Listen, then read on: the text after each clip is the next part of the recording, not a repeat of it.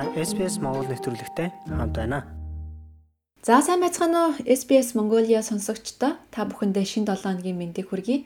Бид 7 хоног бүр Австралид амьдран суудаг монголчуудтайгаа ярилцаж тэдний туршлагыг хуваалцдаг. Энэ удаад бид нар Австралид сурч байгаа оюутнуудад хэрэгтэй зөвлөгөөг энд 6 жил сурч дөнгөж сайхан мастер цолоо хамгаалсан шинэхэн төгсөгчөөс хүргэх гэж байна. Манай зочин Бямсүрэн за Jenny гэж дуудвал та бүхэн таних бах. Jenny's Corner гэдэг Facebook хуудсыг ажилуулдаг гэвэл бүрт сайн мэдэх баха. Jenny Австральд 6 жил сурч хэлний бэлтгэлээс эхлэн Австрали улсын Ньюкаслийн их сургуульд бизнесийн бакалавр хамгаалсан. Дараа нь Macquarie их сургуульд хэвлэл мэдээлэл сэтгүүл зүйн чиглэлээр мастрын зэрэгээ хамгаалсан шинэхэн төгсөгчийн туршлагаас хуваалцаж байна. Бид энэ удаад Австралид сурч байх үедээ юунд гол анхаарлаа хандуулах, төгссөний дараа хэрвээ мэрэгчлэрээ ажиллахаар хүсэж байгаа бол яаж ажил хайж байгаа туршлагаас нь хуваалцах болно. Мөн Австралийн амьдралын гүнд ороход түнд ямар бэрхшээл байсан түүнийг яаж давж гарсан тухай ярилцах болно. Ингээд ярилцлагыг хүлээн авна уу. SBS Монгол хэлээр За их сургуулаа төгсөнд баяр хүргэе Бямбай. За баярлалаа. За юуны өмнө хоёулаа Австралид ирээд удаагүй байгаа. Шинэхэн оюутнуудад 6 жил сурсан оюутны хувьд юу гэж зөвлөмөр байна? Яг гэвэл шинэ улс те, шинэ сургалтын систем, шинэ сургууль, шинэ хамт олон орчин гэдэг бүх зүйл шинэ танил биш байгаа. Тэднэрт зориулж юу гэж хэлмээр байна? За миний хувьд бол Монголд 10 жилээ төгсөөд яг их сургуультай бол Монгол сураагүй байж байгаа наашаа ирээд сурсан. Хамгийн түрүүнд одоо ингээд шинэ оюутнуудаа өгөх зөвлөгөө бол а эхний одоо жилээ айгүй тийм хичээлдээ маш сайн анхаарах хэрэгтэй гэж хэлээ. Ягаад тэгэхээр ер нь бол эхний нэг жил болол ингээд яг хамаг юмныхан цувир нь одоо шинэ оюутны хувьд тавигдж байгаа жил. Тэгээд эхний жилдээ хилээ амар хурдан сайжруулаа тий яаж би даалтуудаа хийх үү гэдэг учраа олчих юм бол цаашаа ингээ оюутнууд маань хайрцангуй гайгүй болчдөг. Манай оюутнуудын анзаараад хахад ихэнх алдаа гаргадаг эхний жилдээ хөвчлэн ажил илүү хийгээд ажилдаа амирыг анхаардаг. Миний бодлоор аль олох боломжтой бол ингээ хүмүүс маань зөвхөн одоо рент ч юм уу тий өдөр тутмын амьдралынхаа одоо юуг л ингээд ажил хийж олоо тэгээд их ажиллахаасаа илүү хичээлдээ илүү анхаарлаа хандуулжвал илүү зүгээр шинэ оюутнуудын хувьд дараагийнхан зөвлөгөө нь болохоор сургуульд сурахаар ингээд заавал үзэх ёстой хичээлүүд гэж байдаг. Одоо мэрэгчлээс шалтгаалаад Монголоор үзэж үзэх ёстой хичээлүүд гэж байдаг. Миний бодлоор оюутнууд хамгийн түрүүнд заавал үзэх ёстой хичээлүүдээ хурдан үзээд дууссан. Тэр тэгэхгүй бол заавал үзэх ёстой хичээлээсээ үлдээчээд яг ингээд дараа нь яг төгсөх болоод ирэхээр сүүлийнхаа семестр тэр хичээлээ үзэж хагаад унчих юм бол нэг жил ч юм уу 6 сараар хойшлогдох гээд идэг төгсөлтийнх нь юу. Тэгэхээр хамгийн түрүүнд үндсэн хичээлүүдэд үзчих юм бол дараа нь ингээд сонголтоор үзэх хичээлүүдээ гайгүй яг сүүлийн семестрдээ ямар ч хичээл ингээд сонголтоороо үзээд төгсчих боломжтой. Дараагийнх нь бол яг суралцж явах явцдаа яг мэрэгчлэрээ ингээд дадлах хийвэл бас зүгээр Аа тэгээ бас төгсгөөсөө 3 сарын өмнөөс эсвэл бол яг төгсөх жилээсээ ажил хайж эхлүүл бас илүү зүгээр юм шиг санагдаж байгаа. Миний хувьд бол ингээд яг за төгсөх жилээ ажил хайна гэж бодож явж байгаа л тэгээд амжидгүй байхгүй юу. Тэгээ одоо яг өгсөөд ингээд яг хичээл маань одоо 11 сар таагснаас хойш ингээд яг мэрэгчлэрээ ажил олд одоо чадаагүй байгаа. Тэгэхээр Бямбагийн хувьд бол хэлний бэлтгэл, за коллеж, хоёр их сургуулийг төгссөн юм туршлагатай. Тэгэхээр энэ одоо шатлалуудаас аль нь чамд хамгийн чухал гэж бодож байгаа вэ? Магадгүй чи ингээд илүү анхаарал хандуулах ёстой үе нь гэвэл чи алийг нэрлэмээр байна. За хамгийн чухал үе нь ерөөсөө хэлний бэлтгэл. Хэлний бэлтгэлд байхдаа л ингээд нөгөө нэг хичээлээ аягуулсан хийгээд хийгээд юмнуудаа бас одоо ингээ оюутнуудаас ийм ажил хийвэл надад зүгээр юм шиг санагдсан. Яг хэлний бэлтгэл явж явах үдээ ч юм уу эсвэл их сургуулийн жилдээ ингээд бусдтай аль болох ингээд яриулдаг харьцдаг customer service ажил хийвэл илүү зүгээр. Team ажил хийхгүй өөр ингээд нөгөө хүмүүстэй харьцдаггүй ажил хийж явж байгаад сүулдэ ингээд хилэнд бас сайн сайжрахгүй яагаад тэгэхээр тэр айдас нь ингээд тэр хүнд байгаад байдаг болохоор хэдий ингээд одоо мастра үзээд өөр одоо бакалаврын тэр ингээ үзээ явж байгаа ч гэсэн бас одоо хүнтэй харьцах айцгүй байж ижил ерөн хурдан хэл сураа тэгээд хурдан цаашаа явах юм шиг санагдаг. Одоо би яг ингээд ажил хайж одоо эхлэхдээ ингээд анзаарч байгаа юм нь энтхийн одоо албан байгууллагууд тухайн хүнийг ингээд авахтаа бас нэг тийм одоо хэр сурсан байна, яг аль сургууль төгсөн байна гэхээс илүү тухайн хүн одоо өөрийгөө тэ яаж илэрхийлж гин тэгээд бас ямар ямар одоо ажил хийж исэн гэдгийг илүү ингээд хардаг гэж тэгж байгаа байхгүй юу. Тэгэхээр хэл бол хамгийн чухал нь гэсэн үг ерөнхийдөө бол. Тэгэхээр яг хэлний бэлгэлдээ л илүү анхаарал хандуулах хэрэгтэй. Жишээлбэл танаа сургууль дээр одоо ажлын ярилцлаганд бэлтгэх зөвлөгөөч гэдэг юм уу тийм одоо альбан бус сургалтуудаас байдаг ч гэдэг үү яаж тэр боломжуудыг ашиглах вэ? Аа за ер нь тийм боломжууд байдаг. Аа манай сургууль дээр ч нөгөө нэг юу employment center гэж байдаг. Macquarie сургуулийн тухай ярьж байна. Яг тэгэхээр нөгөө сүүл төгссөн болохоор тэр нь болохоор ингээд төгссний дараа хүртэл нэг жил тэр employment hub руугаа ингээд ороод ямар ямар ажил вэ тэгээд тэр сургуулиас одоо санал болгож байгаа лекц семинар интерт ингээд сууж болдог. Аа тэгээд бас юу яадаг нөгөө резюме энтрэ ингээ биччихээд тэгээд нэг зөвлөгөө өгдөг хүнтэй ингээ цаг аваад тэр одоо юу тэр хүн хүн нь ингээ тэр резюме CV-г нь хараад тэгээд эсвэл яг одоо миний хувьд одоо авмаар байгаа зөвлөгөөгөө ингээ тухайн хүнээсээ авч болдог. Тийм байгаа. Тэр болол ер нь бол сургууль их сургууль алгонд л яг байдаг тийм нөгөө нэг оюутнуудаа төгсөөд ажилд ороход нь туслах зорилгоор Тийм. Тиймэрхүү юмнуудыг бол оюутнууд бас айгүй их нөгөө нэг оролцоод сургуулаа зохион байгуулж байгаа арга хэмжээнүүдэд ер нь маш сайн оролцож явах хэрэгтэй. За Австралийн их сургуулиуд ер нь оюутныг юугаар нь илүү үнэлдэг вэ? Бие даалт даалгавар нь дүгнэж гин үү? санаачлаг оролцоо юу эсвэл одоо манлайлал багаар ажиллах чадварыг нь илүү дүгнэж гин үү? Оюутнууд юугаар үнэлгээ авдаг вэ? Ерөнхийдөө бол би даалтуудаа л хэр сайн хийж байгаа хийж гэн тэрнээсээ шалтгаалаад багш нар нөгөө нэг дүнгээ тавьдаг. Тэрнээсээ ш одоо ингээд тухайн оюутан хичээлдээ амар санаачлагтай шүү манлайлдаг шүү гэд нэг тийм түн 50 маяг гэсэн юм ерөөсөй байхгүй.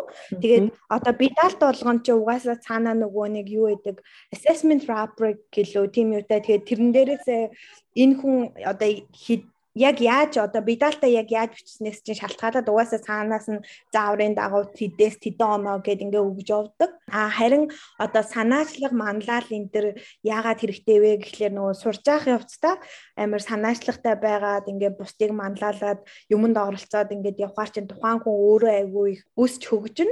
А тэгээд дээрээс нь ирээдүйд ажилд орох үедээ би ийм ийм одоо сайн дурын ажил хийж исэн, би ингэж исэн гэд одоо ярих зүйлтэй болоод ажилд ороход илүү одоо хэлбэр болно л гэсэн. Миний хувьд одоо анзаарсан хамгийн чухал юм болохоор ерөөсөө оюутнууд одоо ингээд сурж явах явцдаа юугаа илүү хөгжүүлэх ёстой вэ гэхлээр ерөөсөө нөө interpersonal communication харилцааны чадвараа л маш сайн хөгжүүлэх ёстой одоо бичгээр амаар тэ харилцаж сурсан хүн л ерөөсөө ирээдүйд одоо яг өөрийнхөө мэрэгжлийн дагуу одоо бас сайн ажилд орох илүү боломжтой юм байна гэж бодож байгаа.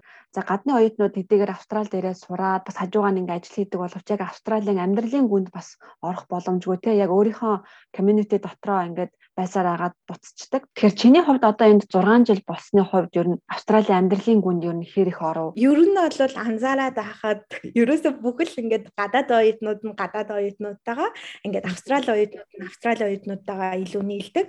Аа тэгээд айгүй тийм яриа хөгжилтөө тийм хүн байх юм бол яг хөө тэгээд нэг амар тийм ерөнхийдөө хамаагүй ингээд нийлдэг юм шиг санагддаг.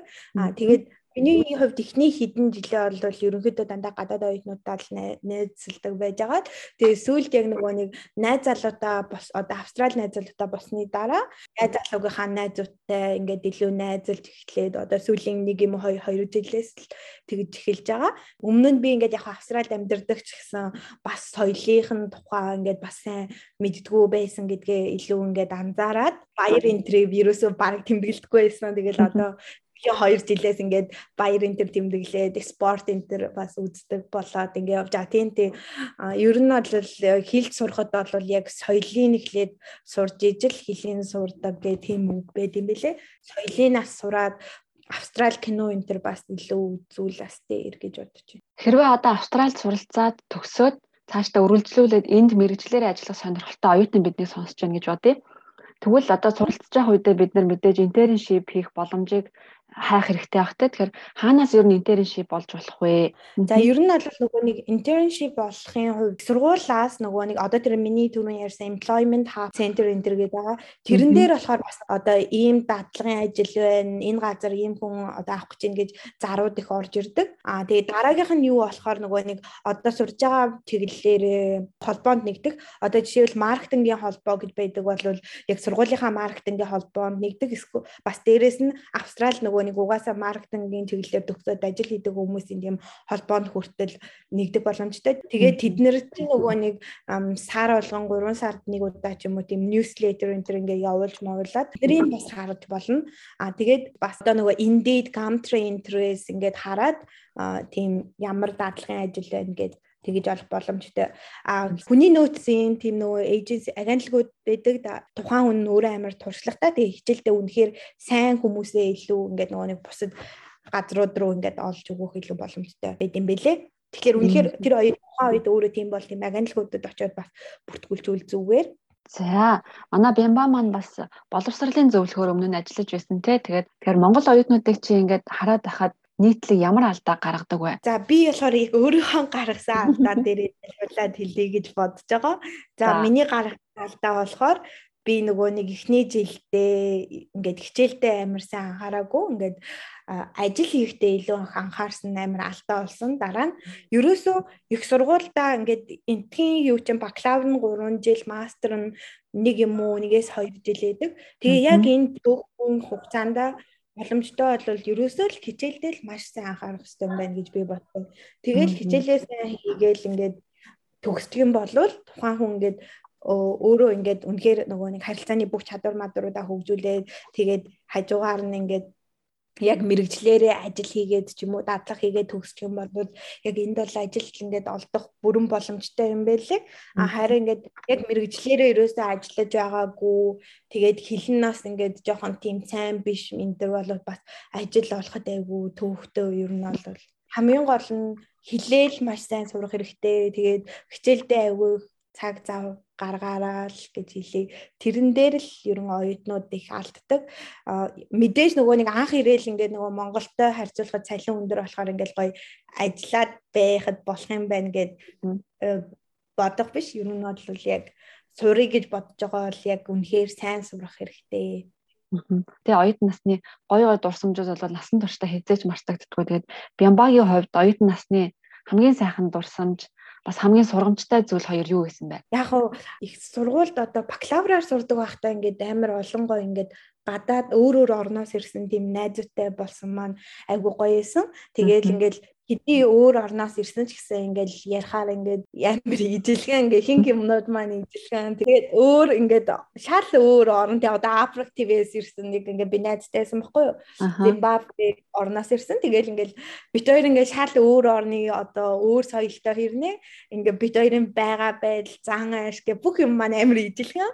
Тэгээд би ингээл хорвоо гэдэг чинь амар одоо уудам юм байна ийм том одоо ингээд ингээд шал өөр орны хоёр хүн яаж юм ижил юм байдаг байна гэд амир надад сонирхолтой санагдчихсан.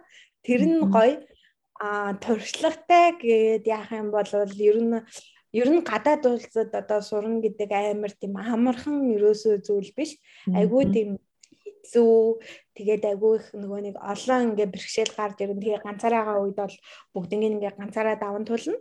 Тэгээд ингээд яг давж туулаад ингээ гараад ирснийхаа дараа ингээ харахаар одоо тийм нэг бодлын айгу гоё юм шиг аа би чадсан юм чи. Тэгээд ирээдүйд одоо ингээд энэ одоо миний хоёр дүүргсэн сургуулийн маань одоо зэргүүд маань намайг ингээд сайхан амьдруулах байхаа гэж итгэж байгаа. За Бямба маань цаашдаа ямар ямар зорилт тавиад байна? Ямар ч гэсэн мэрэгчлэрээ бол ажиллана гэсэн зорилттой байгаа тий. Тийм мэрэгчлэрээ ажиллана гэсэн зорилттой. Тэгээд миний өөр нэг зорилт нь болохоор юу ном бичих ингээд сонирхолтой байгаа. Австрали улсад сурахыг хүсэж байгаа хүмүүс төрөлсөн. Сурахыг хүсэж байгаа хүмүүсээс гадна зүгээр ерөнхийдөө ингээд гадаад улсад амьдрахад одоо яг ямар хөө байдаг талаас нь өөрийнхөө туршлагаас гадна ингээд одоо миний танилцжсэн хүмүүс ч юм уу тийм туршлага дээр нь үндэслээд ном бичих төлөвлөгөөд уул нь энэ жилийн төлөвлөгөөнд оруулсан ч одоо болтол яг эхлэегүй л явж байгаа. За төлөвлөсөн тэг эхлийн тавьчих юм бол одоо нийт ажлын бараг 50% нь гэдэг шүү дээ. Тэгэхээр одоо чамд санаа нэгэнд байгаа юм чинь сайхан төлөвлөөд энэ гоё зорилтоо одоо биелүүлээрэ. Тэгээд амжилт хүсье юм ба. За баярлалаа. Намайг урьж оролцуулсан баярлалаа. За баярлалаа. SPS Монгол хэлээр бидний нэвтрүүлгийг Facebook сошиал хуудасаар бусдаа хуваалцаарай.